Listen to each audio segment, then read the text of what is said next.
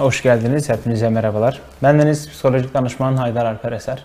Bugün Haydar Alper Eser ile Psikolojim programının 15. bölümüyle sizlerle birlikteyiz. Tarihler 4 Ekim. Yine aynı yerdeyiz. Ahmet TV ekranlarında ve Ahmet Radyo'da hem görsel hem de işitsel olarak sizlerle beraber olacağız. Sizlerin karşısında olacağız. Bugün konumuz yine uzun, yine ayrı ayrı ayrıntılı anlatmamız gereken birçok konu var elimizde.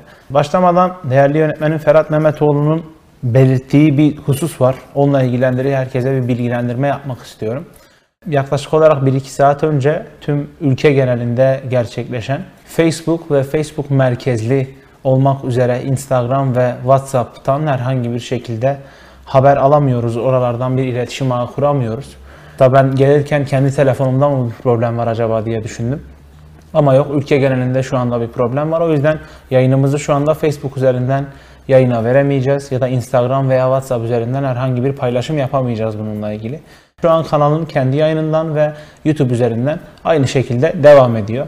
Eğer düzelirse canlı yayın bittikten sonra tekrardan bu yayını sizlere sunabiliriz diyelim. Hızlıca başlayalım. Bugün konumuz aslında çok yaygın, çok çok yaygın olan, çok zor bir konu, çok böyle itiraf edilmesi, kabul edilebilmesi çok güç bir konu.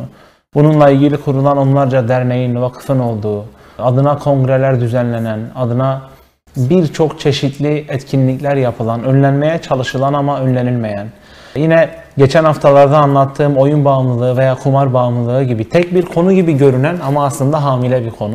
Yani içerisinden bir ya da birkaç konu daha, birkaç problem daha çıkabilecek düzeyde bir konu. Ben bunu ayrı ayrı anlatacağım. Biraz hukukla ilişkilendirerek aslında anlatmak istiyorum bugünü. Çünkü maalesef Orta Doğu'daki toplumlarda, Orta Doğu'daki insanlarda bir şey suç olmadığı zaman sanki yapılması mübahmış gibi, yapılması belki de mecburiymiş, bir zaruriymiş gibi e, bir algı oluşabiliyor. Bu nedenle yapılan şeylerin, yapılan çalışmaların hukukla mümkün oldukça ilişkisini kurarak anlatmaya çalışacağım. Bölümümüzün konusu psikolojik şiddet.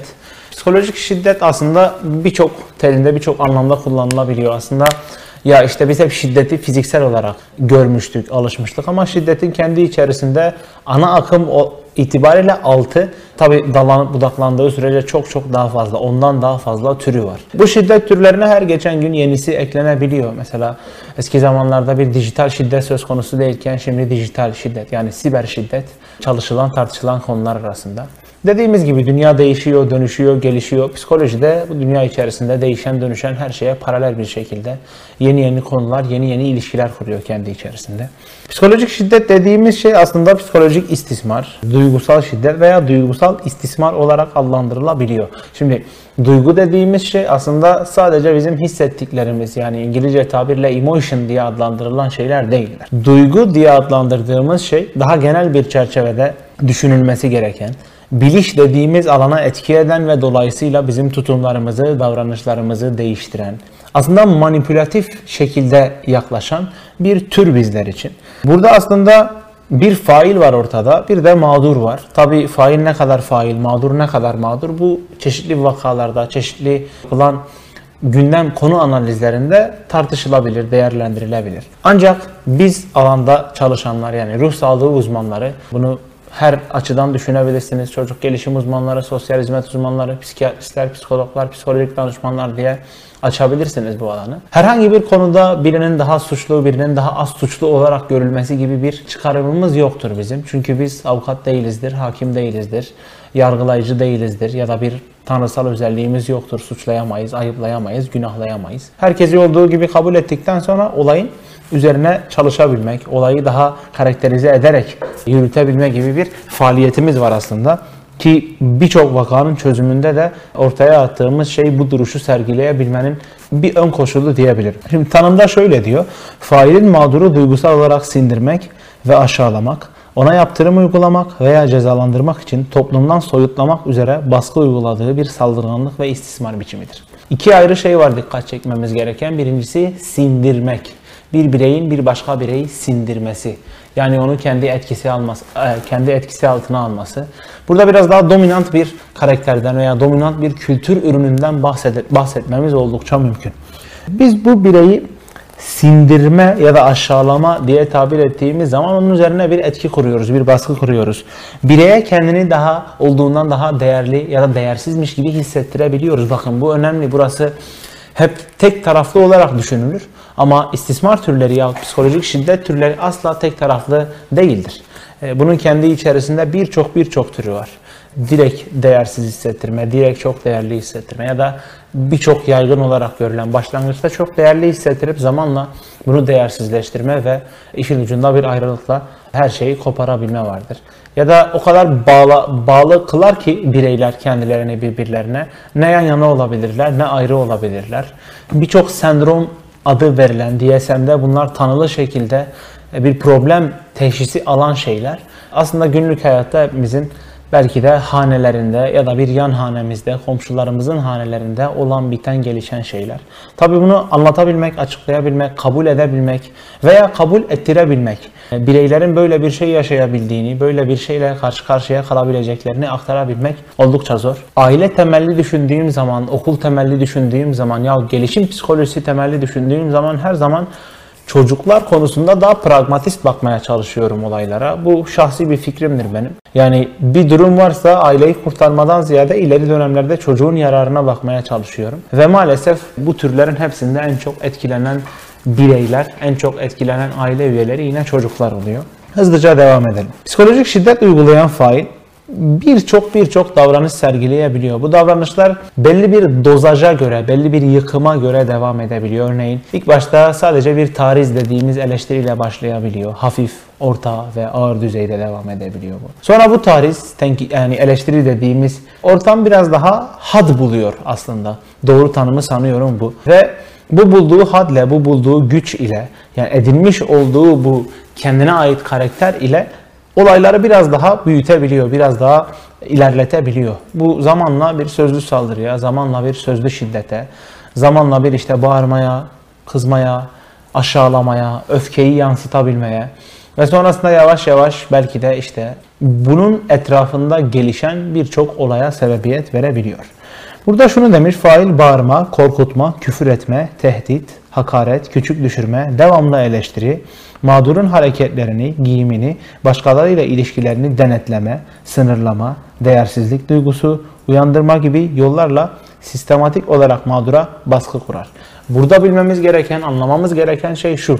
Bunlar bir kere olan ya da işte belli aralıklarla olan yani karışık aralıklarla olan şeyler değil. Bunlar yavaş yavaş başlayan, sistematik bir şekilde devam eden ve dozajın gittikçe arttığı yani işte hakaret ediliyorsa hakaretteki ses tonunun arttığı, aşağılanılıyorsa aşağılanırken kullanılan, aşağılarken kullanılan kelimelerin arttığı, keza aynı şekilde argo veya küfür için de bu geçerli sayılabilir. Ya mesela denetim, işte dijital denetim, siber denetim, telefon kontrolü, mesaj kontrolü, bireyin kendisi dışında diğer insanlarla iletişimine dair tüm kontroller aslında bir psikolojik şiddettir. Sanıyorum bu en çok görülen ama insanların belki de en az düşündüğü yani bugün flör şiddeti içerisinde değerlendirmemiz gerekirken işte o genç bireylerin, o flört yaşayan bireylerin birbirlerini kontrol altına, baskı altına almaya çalışması ve sonrasında da bunu sanki bir sevgi ürünüymüş gibi görmeleri aslında bir yerde dijital şiddetin, flör şiddetinin ortaya çıkarmış olduğu dijital şiddetin, siber şiddetin doğurduğu şeyler. Bunlar aslında yaş, zaman, mekan fark etmeksizin her ilişkide zamanla yerini alabiliyor. Bunun önlemini alabilmek, buna karşı dirençli bir tepki verebilmek çok çok önemli bizler için. Şimdi bunun hukuki boyutu nasıldır diye ben çok düşündüm. Çünkü o kadar yaygın ki yani veriler çıkardım. İşte Türkiye'de, başka ülkelerde, dünya üzerinde görülen değerler nasıldır dedim.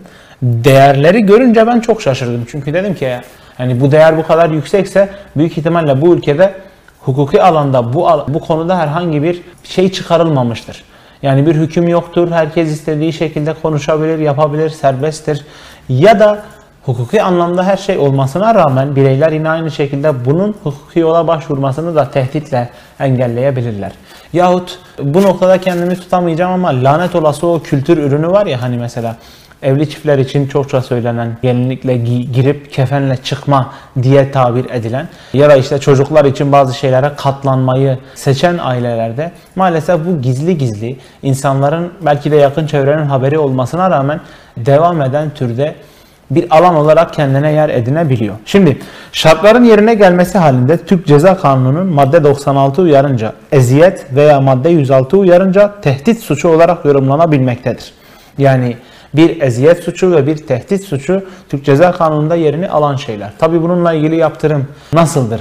Ya da o yaptırımın uygulanma süreci nasıldır? Bu tamamen hukuki alanda çalışan insanlara, buralara içerik üreten insanlara dair bir soru işaretidir. Belki de bununla ilgili daha çok konuşabilmek, daha çok tartışabilmek gerekir ki bazı şeyleri bu ülkede de yoluna koyabilelim. Türkiye İstatistik Kurumu'ndan da bir veri aldım. Bu en son 2014 yılında yapılan, daha sonrasında yapılmasına rağmen henüz o veriler paylaşılmadı. Ben aslında 2019 sonrasındaki süreci çok çok merak ediyorum. Çünkü geçtiğimiz yıllarda insanlar yan yana oldukları zaman işte özellikle evli çiftlerin birbirlerini daha iyi tanıdığı, daha yakından tanıdığını söylüyorlardı. Hep bunu anlatıyorlardı. Yani 30 yıllık eşini son 2 yıllık pandemi döneminde tanıyan insanlar elbette vardı. Bunlara duymuşuzdur, şahit olmuşuzdur. 2019-2021 yılları aralığında herhangi bir veriye maalesef rastlayamadım. En son TÜİK'in yapmış olduğu kadına yönelik aile içi şiddetin 2014 yılı araştırmasına göre Türkiye genelinde yaşamlarının herhangi bir döneminde sadece psikolojik şiddet olarak diyorum bunu bakın sözlü şiddet yahut cinsel şiddet adı altında değil sadece psikolojik şiddete maruz kalan kadınların oranı %44. Yani çok küçük bir farkı göz ardı edebilirsek bugün her iki kadından biri aile içerisinde psikolojik şiddet görüyor. Peki sadece kadın mı görüyor? Hayır. Bununla ilgili bir başka çalışma da yapmışlar. O da şu eşcinsel ilişki içerisinde olan bireylerle ilgili bir çalışmaları var. Burada da nasıl daha net anlatabilirim? Şöyle diyeyim. Heteroseksüel erkeklerin uğradığı şiddet üzerine araştırmalar, psikolojik şiddetin hem kadın hem de erkeklerin maruz kaldığı bir şiddet türü olduğunu ancak cinsiyete göre maruz kalınan psikolojik şiddet türünün değişebileceğini göstermişlerdir. Yani bu ilişkiler illa bizim sıradanlaşmış bildiğimiz ilişkiler olan ilişkiler değil. Bugün işte bir gay evliliğini, bir lezbiyen birey evliliğini düşündüğümüz zaman yine baskın ve çekinik yani dominant ve e, daha nötral iki birey arasında bunu düşünebilirsiniz. Bu tamamen mizaçla karakterle yahut gelişim sürecinin yani o evlilik içerisindeki gelişim süreciyle ilgili. Peki bundan kim etkileniyor? Yani psikolojik şiddeti ortaya çıkaran mı, psikolojik şiddete maruz kalan mı, dış çevre dediğimiz aile üyeleri mi, çocuklar mı kim etkileniyor? Aslında bununla ilgili şu etkilenir, şu etkilenmez diyeceğimiz hiçbir şey yok. Çünkü tüm aile dinamiklerini düşündüğümüz zaman evin içerisinde fiziksel, cinsel yahut psikolojik anlamda herhangi bir şiddet varsa bundan o ailenin bütün üyeleri etkileniyor maalesef. Özellikle o şartlarda savunmasız kalan çocukların bu noktada çok daha fazla etkilendiğini, çok daha fazla ileri dönemler için sorunlar yaşayabileceklerini paylaşılan vakalarla ya da işte şimdiye kadar en azından yavaş yavaş da olsa görmüş olduğumuz, şahit olmuş olduğumuz bazı problemlerin ortaya çıkış şekilleriyle görebiliyoruz. Çocuklar aslında her şeyi bize bir dille anlatmaya çalışıyorlar. Bazen belli bir yaştan sonra davranışlarda geri dönme eğilimleri gösterebiliyorlar. Bu aslında aile dinamiklerinin birçok ölçüde pek de iyi gitmediğini bize bir sinyali, bize bir kanıtı aslında. Mesela daha önceden tuvalet eğitimini bitirmiş bir çocuk alan içerisinde enürezis denilen alt ıslatmayı tekrar başlatabiliyor. Yahut buna beraber etki edebilecek işte dışkı kaçırma dediğimiz enkoprezis ya da işte saç yolma, tırnak yeme, saç yolmanın alandaki ismi trikotillomani yahut tırnak yeme yahut parmak emme gibi yani çocuk çağına dair davranışlara tekrardan dönüş sağlayabiliyor.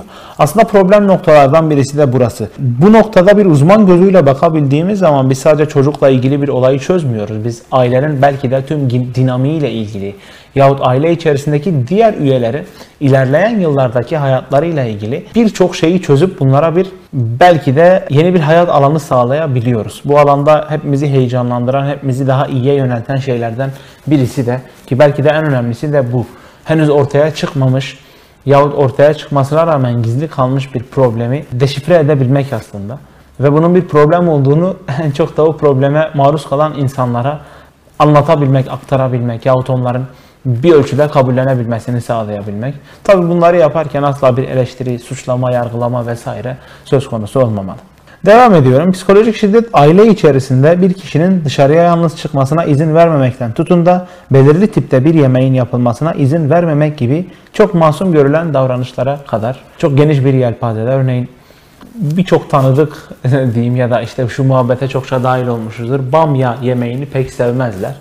Bamya yemeğini sevmemek bir tercihtir. Daha önce onunla ilgili bir yaşantısı olmuştur yahut tadını beğenmiyordur. Bununla ilgili bir problemimiz yok. Ama bamya yemeğini o evde yaparsan şöyle şöyle olur, şunu şunu yaparım ya da bamya piştiği gün şöyle şöyle yapılırsa bu aslında çok masum görülen, çok basit görülen, belki de insanların ilk başta şakaya alabildiği işte bunun muhabbetini yapabildiği ama gittikçe bu şakalardan, bu muhabbetlerden güç bulan ve kendi kendini destekleyen bir psikolojik şiddet türü olarak karşımıza ne yazık ki çıkabiliyor. Bunun aslında ortamı değiştiği zaman biz farklı farklı çalışmaya çalışıyoruz. Örneğin okul içerisinde bu ortaya çıktığı zaman ve akranlar içerisinde ortaya çıktığı zaman biz buna direkt psikolojik şiddet demiyoruz da belki de akran zorbalığı diyoruz. Aslında sadece psikolojik şiddetin ne olduğunu bilebilirsek biz bugün akran zorbalığının ne olduğunu bilebiliriz. Yahut iş yerleri için düşündüğümüz zaman, firmalar için düşündüğümüz zaman bunlar orada ortaya çıktı mı yani? Konum bununla ilgili bir değişiklik gösterdi mi? Buna biz mobbing diyebiliyoruz. Tabi mobbingin birçok türü var ama en azından psikolojik anlamdaki durum bu. Şimdi tüm bunları düşündüğümüz zaman bildiğimiz bir tane konu aslında birçok alanda bizi besleyebiliyor bu alan için, ruh sağlığı uzmanları için. O yüzden hep şunu savunuyorum. Bazı konuları biriminiz, mesleğiniz, çalıştığınız alan ayırt etmeksizin o kadar o kadar iyi bilmeniz gerekiyor ki sizin belki de hiçbir yerde çalışmanıza gerek yok. Belki de hiçbir işte mesleki ya da finansal bir kaygı gitmenize, gütmenize gerek yok. Sizin yapmanız gereken kendi çevrenize, kendi ailenize, kendi akranlarınıza aslında biraz biraz ön ayak olabilmek, biraz biraz onların yaşantılarına dahi bir güzellik, bir mutluluk sağlayabilmek. Varsa ortaya çıkmamış bir problem varsa onunla ilgili bir önlem alabilmek. Çünkü probleme direkt müdahale ettiğimiz an yahut problem bittikten sonra iyileştirme çalışmaları yaptığımız an o bireyin hasar, hasar almasını biz engelleyemiyoruz. Ancak önleyici psikolojik danışmada biz henüz o problem ortaya çıkmadığı için bireyin en az zararla o problemden soyutlanmasını, kopmasını istiyoruz, arzuluyoruz ve bununla ilgili çalışıyoruz. Bu yüzden önleyici çalışabilmek diğer alanlara göre çok çok daha önemli. Küçük bir ara verelim. Burada YouTube'dan bir yorumumuz gelmiş. Kenan Genç hocam yazmış. Sağ olsun, var olsun. O kadar güzel açıklıyorsunuz ki tebrik ederim hocam demiş. Teşekkür ediyorum. Dinlediğiniz için ayrıca teşekkür ediyorum. Dediğim gibi bunlar o kadar yaygın ki toplumumuzda. Yani bunu ben mesela bu konuyu daha önce anlattığım yerlerde de aynı tepkileri aldım maalesef. Maalesef diyorum çünkü bu aslında toplum içerisinde gizli kalan şeylere karşı bir sözcülük yapabilmek. Yani biz bunları görüyoruz, şahit oluyoruz, biliyoruz ancak birinin buralarda çıkıp bunu aktarabilmesi gerekiyor. Ya kardeşim, ya ablacığım biz böyle şeyler yaşıyoruz demesi gerekiyor. Maalesef işte o rolü, o sorumluluğu da işte hem meslek icabı hem de en azından şimdilik bu topluma duyabileceğimiz bir acıma demeyeyim ama daha iyiye getirmeye yönelik bir fikir, bir plan icabında biz üstlenmiş durumdayız. Tekrardan izlediğiniz, dinlediğiniz için sağ olun diyelim. Devam edelim. Şimdi psikolojik şiddeti sürekli uygulayan insanların ve psikolojik şiddete sürekli maruz kalan insanların birçok davranışları var ön plana gelen. Yani bunlar bir yerde kendilerini ciddi anlamda belli ediyorlar.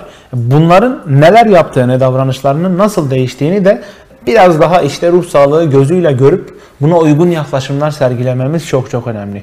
Çünkü bunlar çok basit, çok masum görünen şeylerle başlıyorlar ve bir gün öyle bir noktaya gelebiliyorlar ki artık o noktadan sonra bize geldikleri zaman bizim maalesef yapabileceğimiz pek de bir şey kalmıyor. Yani bugün ruh sağlığı uzmanlığı evet çok önemli bir alandır ama çiftler ya da aileler genel anlamda sadece çift olarak değil öyle bir yapıda bize geliyorlar ki bize açıldıktan, anlattıktan sonra sadece şunu diyorlar. Hocam ben size bunu geldim anlattım. Sadece anlatmak için gelmiştim, rahatlamak için gelmiştim. Bana bir avukat tavsiyesinde bulunabilir misiniz diyorlar. Aslında bu da mesleğin biraz daha iyi bir yönü çünkü bir yerde bireyin kendi kendine kabulünü sağlayabiliyoruz. Ama işte işler hiç oraya gelmeden de bence bazı şeyleri yapabilmek, bazı şeylerin önünde durabilmek mümkün. E, iş yerlerinde psikolojik şiddete biz mobbing diyorduk bunu dedim. Okullarda, eğitim kurumlarında görüldüğü zaman zorbalık, akran zorbalığı diyorduk. Bunları da belirttim, anlattım. Şimdi sürekli psikolojik şiddete maruz kalmak bir insanı korku içinde yaşamaya ve delireceği endişesine sürükleyebilir depresif duygu durumu ve beynin aslında yine aynı şekilde mutlulukta salgıladığı hormonlar gibi bazı hormonları salgıladığını, biliyoruz ve bununla ilgili bireylerin aslında savunmasız çaresiz kaldıklarını biliyoruz. Çünkü öyle bir ruh haline kapılabiliyorlar ki birey kendini kimsesiz, soyutlanmış, dış çevreden bir haber şekilde hissedebiliyor. Bu bizler için çok çok önemli. Birçok şey ortaya çıkıyor kendiyle birlikte. Mesela intihar düşünceleri, ölüm isteği, depresif duygu durumu, endişe bozuklukları, madde, alkol bağımlılığı yahut utanç, suçluluk duyguları çıkarabiliyor. Peki bu sadece şiddete maruz kalana mı? Hayır. Şiddeti uygulayana da, şiddete maruz kalana da, şiddete şahit olana da, tanık olana da yahut şiddete şahit olmasına, tanık olmasına rağmen şiddeti uygulayan tarafından yahut şiddete maruz kalan tarafından suçlanılana, tehdit edilene de. Bu öyle bir şey ki mesela bir defa başladığı zaman artık başka insanlara da uygulanabiliyor. Yahut mağdur kişinin karakterine uygun karakterlere de aynı şekilde uygulanabiliyor.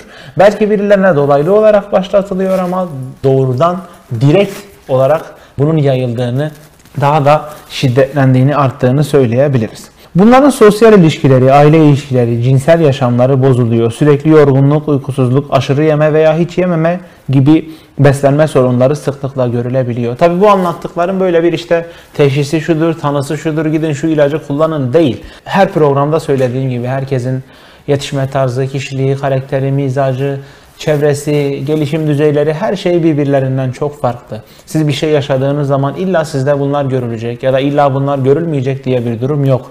Ama şunu biliyoruz. Psikolojik anlamda yaşanılan her şey bir yerde bedenen ortaya çıkıyor. Çünkü beden psikolojinin bir çeşit sinyal vericisi. Yani biz kötü bir şey yaşadığımız zaman bedenen bir şey görüyoruz, seziyoruz. Bu özellikle çocuk gelişimi okuyan arkadaşlarım bunu belki aldıkları derslerden dolayı daha iyi anlayacaklardır.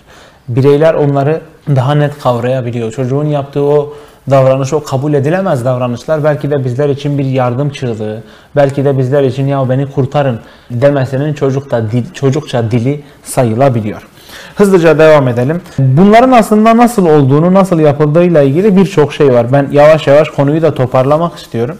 Konunun içeriğinde aslında anlatmak istediğim, daha da açıklamak istediğim şeylerden biri dijital şiddetin yani siber şiddetin nasıl olduğu. Aslında dediğim gibi son yıllarda ortaya çıkan bir tür ve son yıllarda bireysel ilişkiler yüz yüze ilişkilerden daha hızlı şekilde yayıldığı için aynı şekilde şiddet boyutunun da çok hızlı şekilde yayıldığı, arttığı, bireylerin birbirlerini tanımamasına rağmen birbirlerine psikolojik şiddet uygulayabileceği bir alan. Yani illa bir ilişki kurmanıza, illa bir alanı paylaşmanıza gerek yok. Hiç birbirinizi tanımıyor olabilirsiniz. Sadece ilk buluşmanız, ilk görüşmeniz olabilir dijital dünya için ama birbirinize karşı psikolojik anlamda bir şiddet, siber dünyaya dair bir şiddet uyguladığınızı yapılan çalışmalardan görebiliriz, söyleyebiliriz. Şöyle bir tanımı var. Teknolojik araçlar kadını kontrol etmek, denetlemek, küçük düşürmek, aşağılamak, cezalandırmak amacıyla kullanılıyorsa. Burada kadını demiş ben bunu bir dernek sayfasından aldığım için kadına yönelik şiddeti önleme derneği nin sayfasından aldığım için kadın demiş. Burada erkek de olabilir, çocuk da olabilir, flört de olabilir, öğrenci de olabilir. Aklınıza toplum içerisinde bir rolü, mesleği ve kabul edilmiş, kabul almış bir tavrı gelen kim varsa kabul edilebilir aynı şekilde. Dijital şiddet söz konusudur. Son 10 yılda sosyal paylaşım siteleri aracılığı aracılığıyla yaygınlaşan dijital ortamlarda 7-24 gözetlenmesi ve takip edilmesini içeren şiddet biçimleri yeni kuşak şiddet olarak da adlandırılmaktadır. Bu aslında biraz daha yaygın itibariyle Z kuşağı şiddeti şeklinde de söylenebilir. Siber şiddet, dijital şiddet, yeni kuşak şiddeti veya Z kuşağı şiddeti diye söylenebiliyor. Birçok türü var. Aslında bu türlerden birkaç tanesini ben okumak istiyorum direkt. Çünkü bunları tam olarak bizim anlayabilmemiz, algılayabilmemiz, neyin şiddet olup neyin olmadığını kabul edebilmemiz lazım. Mesela cep telefonuna sürekli mesaj göndermek ya da bireyin mesaj göndermesini istemek. Bu konuda çok fazla arzulu, çok ciddi talepkar olabilmek. Yarın bir gün sırf bundan dolayı bir yaptırımla suçlayabilmek yahut yaptırımla tehdit edebilmek.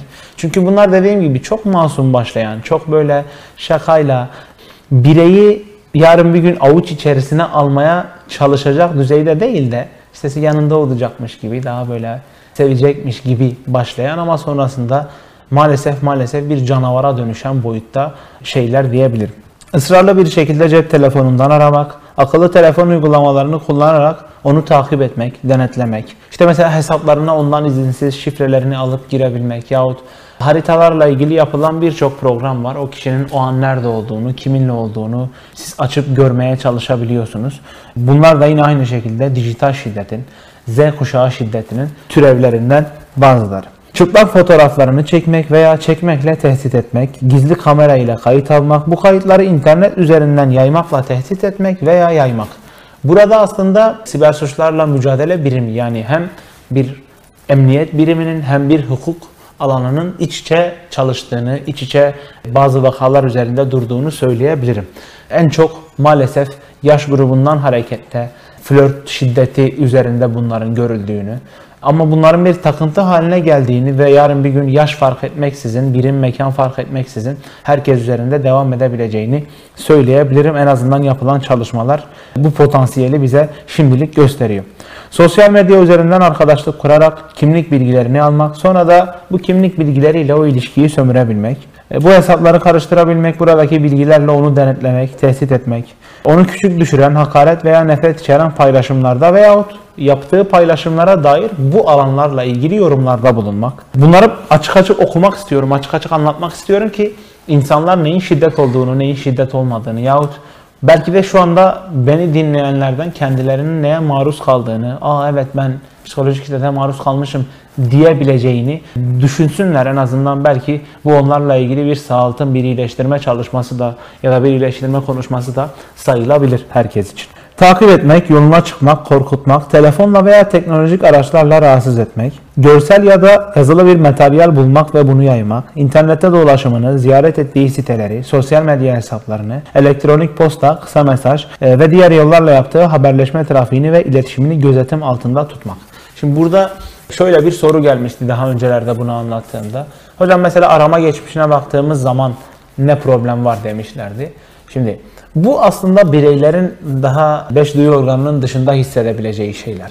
Daha sezgi yoluyla hissedebileceği şeyler. Ne amaçla baktı, ne maksatla baktı, ne sıklıkla baktı. Baktıktan sonra sana bir iletişim kurdu mu, neler anlattı. Konu aslında hani televizyon üzerinden devam eden şeyler değil de bizim oturup bir danışma ortamında birebir görüşmemiz gereken, birebir olayın içeriğini çözümlemeye çalışmamız gereken şeyler. Özellikle yapılan şeyin birincisi amacı ne, ikincisi de ne boyutta devam etmiş. Önemli olan bunlar, önemli olan sizin bunları nasıl yönettiğiniz, nasıl idare ettiğiniz yahut idame ettiğiniz diye söyleyeyim devam edelim. Toplum içerisinde bireyi küçük düşürmek, sürekli hediye ya da çiçek almak veya göndermek ne alakası var? Şimdi hep ben şiddeti ya da psikolojik şiddeti hep kötü anlattım şimdiye kadar. Daha doğrusu şiddet dediğimiz şey zaten kendi görece itibariyle olumsuz bir cümle olduğu için işte şiddetin önüne psikolojik de gelse, fiziksel de gelse, cinsel de gelse hep kötüydü. Evet görece olarak yine kötü. Ancak her zaman bir kasti zarar, bir direkt zarar söz konusu olmayabiliyor. Şu söz konusu olabiliyor.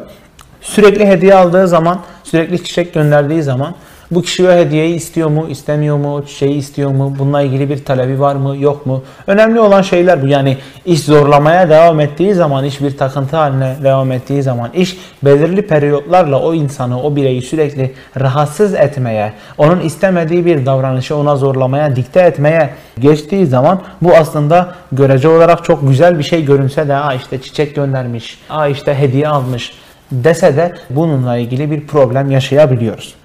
Bir de boşanmalarda yahut işte çiftler için düşündüğümüz zaman ayrılıklarda bir madde var. Ayrılan kişinin arkadaş çevresiyle iletişim kurmak, bununla ilgili bilgi almaya çalışmak gibi davranışlar en sık karşılaşılan ısrarlı takip biçimleri. Bunlar dijital şiddetin içerisinde yer alan şeylerden bazıları. Ha bu sadece bilgi almak ya bununla ilgili bir eylem planı, bir müdahale ya da mücadele planı hazırlamak gibi bir boyuta varıyorsa bu da aynı şekilde potansiyel anlamda bir psikolojik şiddet eğilimi gösteriyor diyebiliriz. Aslında bununla ilgili yapılan çalışmalar çok fazla, çok çok yaygın ama burada hepimizin tanıdığı, bildiği, belki de işte onunla ilgili sürekli bir hikaye duyduğu, bir şarkı duyduğu, ismi söylendiği zaman Aa işte ne kadar da yazık, ne kadar da gençti dediği ve bununla ilgili çalışmalarda bulunduğu bir çok küçük bir hikayeyi anlatacağım size. Bir hayat hikayesini anlatacağım size. Zaten yavaş yavaş programın da sonuna geleceğiz. Kapatış yapacağız. Bununla ilgili örneklerim var. Özellikle bu konuya ilginiz varsa ya bu konuyla ilgili bir kötü bir tecrübenizin olduğunu düşünüyorsanız en azından buradan sizlere uzatabileceğim el kadarıyla bazı en azından yardımlar ya da o hesaplar olacak. O kısma geçmeden, konuyu anlatmadan ve bu örnekleri vermeden önce çok küçük bir es verelim tekrardan. Hasan Demir bir soru yönetmiş sağ olsun izlediği için. Bahsettiğiniz psikolojik şiddet de çiftlerde boşanma nedeni olabiliyor mu demiş. Aslında psikolojik şiddet direkt olarak bir boşanma nedenidir. Yani hukuki olarak gittiğimiz zaman az önce söylediğim gibi Türk Ceza Kanunu'nun 96. ve 106. maddelerinde tehdit başta olmak üzere bir suç teşkil edebiliyor. Bununla gittiğiniz zaman elbette hak iddia edebiliyorsunuz. Ancak bireyler arasında bu o kadar gizli kalıyor ki, o kadar saklı kalıyor ki ve üzerine bir şeyler eklendiği zaman bir dışarıdan baktığımızda onu psikolojik şiddet olarak görmüyoruz artık. Bu çok aslında acı bir olay. Yani psikolojik şiddete biz psikolojik şiddet devam ettiği zaman tepki vermiyoruz. Bu hop gidiyor cinsel şiddete dönüşüyor. Biz diyoruz ki aa burada bir cinsel şiddet var diyoruz. Aslında onun ortaya çıkışı belki de orası değil. Ya da bu o kadar bir uç boyuta gidiyor ki işte alkol bağımlılığına, kumar bağımlılığına ya fizik, fiziksel anlamda bir şiddet eğilimine dönüşüyor. Biz diyoruz ki ha işte bu evde bir şiddet uygulanıyor diyoruz. Aslında psikolojik şiddet boşanmaların en temel sebeplerinden biri. Ama ortaya çıkış itibariyle düşündüğümüz zaman en azından yaptığım araştırmalarla yani bununla ilgili direkt yapılan bir çalışmaya rastlamadım. Yine eve gidip bunu araştırırım bakarım belki kaçmıştır gözümden. Ee, ama sebep olarak belirtilen şeylerin psikolojik şiddet olduğu vakalar durumlar oldukça az. Çünkü insanlar psikolojik şiddeti baş edebilecek bir şeymiş gibi ya e, önemli bir şey değilmiş gibi algılıyorlar ve maalesef maalesef mağdurların bir yerde o mağdurlukta ısrar etmesi, diretmesiyle birlikte bunun dozajını yavaş yavaş arttırabiliyorlar. Şimdi bu iyi örneği vereceğim size. Az önce söylediğim işte sürekli hediye göndermek, çiçek göndermek gibi bir örneği vereceğim. Bir şarkıcı örneği vereceğim aslında şu anda hayatını film yapmakla uğraşıyorlar. Siz birçoğunuz bilirsiniz. Bilmeyenler için çok kısa bahsedeyim.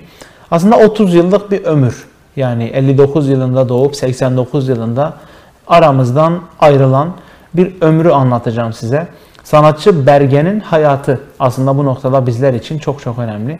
Çünkü aslında öldürülen bir 30 yaşında öldürülen bir kadın var ve öldürülene kadar birçok yerde çok güzel şeyler yaşadığını, ciddi anlamda sevdiğini, aşık olduğunu düşünüyor. Mesela ilk anlattığı hikayede şöyle deniyor. Bir araba alıyor bu. Çok gidiyor, çalışıyor, ediniyor Zorla bir araba alıyor. Arabasını aldığı gün işte akşam bir çıkıyor çalıştığı yerden. Bakıyor ki arabası yanmış. Yani komple araba yanmış, kullanılamaz bir halde. Çok üzülüyor, çok e, bu duruma içerleniyor. Bir sonraki gün çalıştığı yere geldiği zaman bir bakıyor ki arabasının aynı yerinde aynı araba yepyeni bir şekilde duruyor. Aslında bunu onu seven adamın yaptığı söyleniyor. Arabayı yakan kişi de arabayı tekrardan alan kişi de o olarak anlatılıyor ya da işte sürekli hediyeler, pahalı pahalı hediyeler gönderdiği ve bir şekilde aslında manipülatif bir bağlanma yarattığıyla ilgili birçok anlatılan şey mevcut. Ancak şu anda Bergen işte aramızdan ayrıldı. 30 yaşında bu hayata gözlerini yumdu. Şunu anlatmak istiyorum. Psikolojik şiddet aslında üzerine eğilmediğiniz zaman, düşmediğiniz zaman yarın bir gün çok ciddi sonuçlara varabilecek. Ya toplum içerisinde sindirilmeye çok müsait olabilecek bir problem. Çünkü biz hala akranlarımızla yahut jenerasyonlarımız arasında çatışma yaşıyoruz. Biz bakın bu psikolojik şiddettir. Tanısı budur. Hukuktaki yeri budur. Psikolojik anlamda şöyle olursunuz dememize rağmen hala üst jenerasyonlarımız bize diyor ki ya bu da mı sorun? Bunu da mı dert ettin? ya da işte bireylerin nasıl kadın olması, nasıl erkek olması, nasıl damat, nasıl gelin olması gerektiğini sürekli anlatıyorlar. Bu anlatılanlar sizin kendi yaşam tarzınıza uymayabilir. O yüzden insanların anlattıklarıyla mümkün oldukça kendi hayatınızı yaşamayın. Çünkü insanlar sizlerin hayatını yaşamıyorlar. Sizlerin hissettiklerini sizden başka kimse bilemeyecek. Bilmemeli de zaten. Bununla ilgili birkaç tane örneğim var. Örnekleri vereyim. Ondan sonra yavaş yavaş müsaadenizi isteyeyim. Şimdi en yaygın, en çok çalışmaların yapıldığı alanlardan biri dediğim gibi. Bu alanda birçok çalışma, birçok kongre yahut akademik anlamda bir tarama yaptığımız zaman yüksek lisans ve doktora ile ilgili birçok tez mevcut, birçok makale mevcut. Sadece bu konularda çıkan akademik dergiler mevcut. Bunlarla ilgili her geçen gün çalışmalar artıyor. Özellikle son 3 yıl, son 4 yıllık periyot içerisinde hatta 2014 itibariyle diyebilirim bunu. İşte dijital zorbalık yahut dijital anlamda bir istismar, bir şiddet araştırılan, güncellenen, derlenen bir konu. Bununla ilgili Mor Çatı Kadın Sığınağı Vakfı denilen ve aslında birçok etiket kampanyası, yardım kampanyası yahut işte uygun ürünler satıp bu ürünler karşılığında o insanlara destek olmaya çalışan vakıf dernek mevcut. Mor Çatı'nın diğerlerinden ayrılan şöyle bir özelliği var. Aslında bu bir yerde bir ihbar mekanizması gibi kullanılabiliyor yahut bununla ilgili bireylerin nasıl baş edebileceği ile ilgili kadınlara, çocuklara eğitimler verebiliyor. Ücretsiz şekilde yayınlar, ücretsiz şekilde kitaplar sunabiliyor. Bu alanda çalışmak isteyen yahut bu alanla ilgisi olan en azından Mor Çatı Kadın Sığınağı Vakfı'nı araştırabilir, yayınlarını takip edebilirler. Özellikle bir başka programda belki de konu olarak almam gereken bir şey cinsel şiddet. Cinsel Şiddetle Mücadele Derneği de aynı şekilde çalışmalar yapan, ücretsiz anlamda eğitimler sunan, çalışmalar, broşürler sunan bir dernek. Bununla ilgili de yine aynı şekilde takipte kalabilirsiniz. Bir de Sil Baştan diye bir dernek var. Bu hem kadına yönelik şiddetin hem de çocuk istismarına müdahalenin, çocuk istismarıyla mücadelenin bir ortak çatı derneği şeklinde. E yine aynı şekilde bunu da kendi hayatlarınız için bir ekstra bir belki de bir araştırma olanı olarak görebilirsiniz, düşünebilirsiniz. Birçok nokta var bununla ilgili, birçok problem var. Bireylerin geliştirdiği davranışlar kendi aile hayatlarına, kendi sosyal hayatlarına bir ölçüde yansıyabiliyor. İnsanlar bazen kendi kişiliklerini, kendi olduğu şekilleri etrafa aynı oranda aynı şekilde dökmeyebiliyorlar. Yani dışarıdan bakıldığı zaman çok masum olarak çok olabilir bayağı olarak görülen şeyler bireylerin hayatları için bir travma sebebine, bir ciddi problem sebebine dönüşebiliyor. Bu yüzden lütfen size bununla ilgili gelen, sizinle bununla ilgili şeyler anlatmaya çalışan insanları baskılamayın, kırmayın. Lütfen bununla ilgili mücadelelerine kulak verin ve gerekli durumlarda lütfen lütfen ruh sağlığı uzmanlarına başvurun, gerekli desteği almaya çalışın diyelim. Umuyorum hayatınızın hiçbir yerinde ne fiziksel ne cinsel ne de en çok en yaygın olan psikolojik şiddete uğramazsınız ve bir başkasını da bunlardan birine uğratmazsınız deyip kapanış yapalım. Bendeniz psikolojik danışman Haydar Alper Eser. Psikolojinin 15. bölümünün sonuna geldik. Önümüzdeki hafta pazartesi günü aynı gün aynı saatte yine sizlerle birlikte olacağız. O güne kadar kendinize çok çok iyi bakın. Hepinize iyi akşamlar.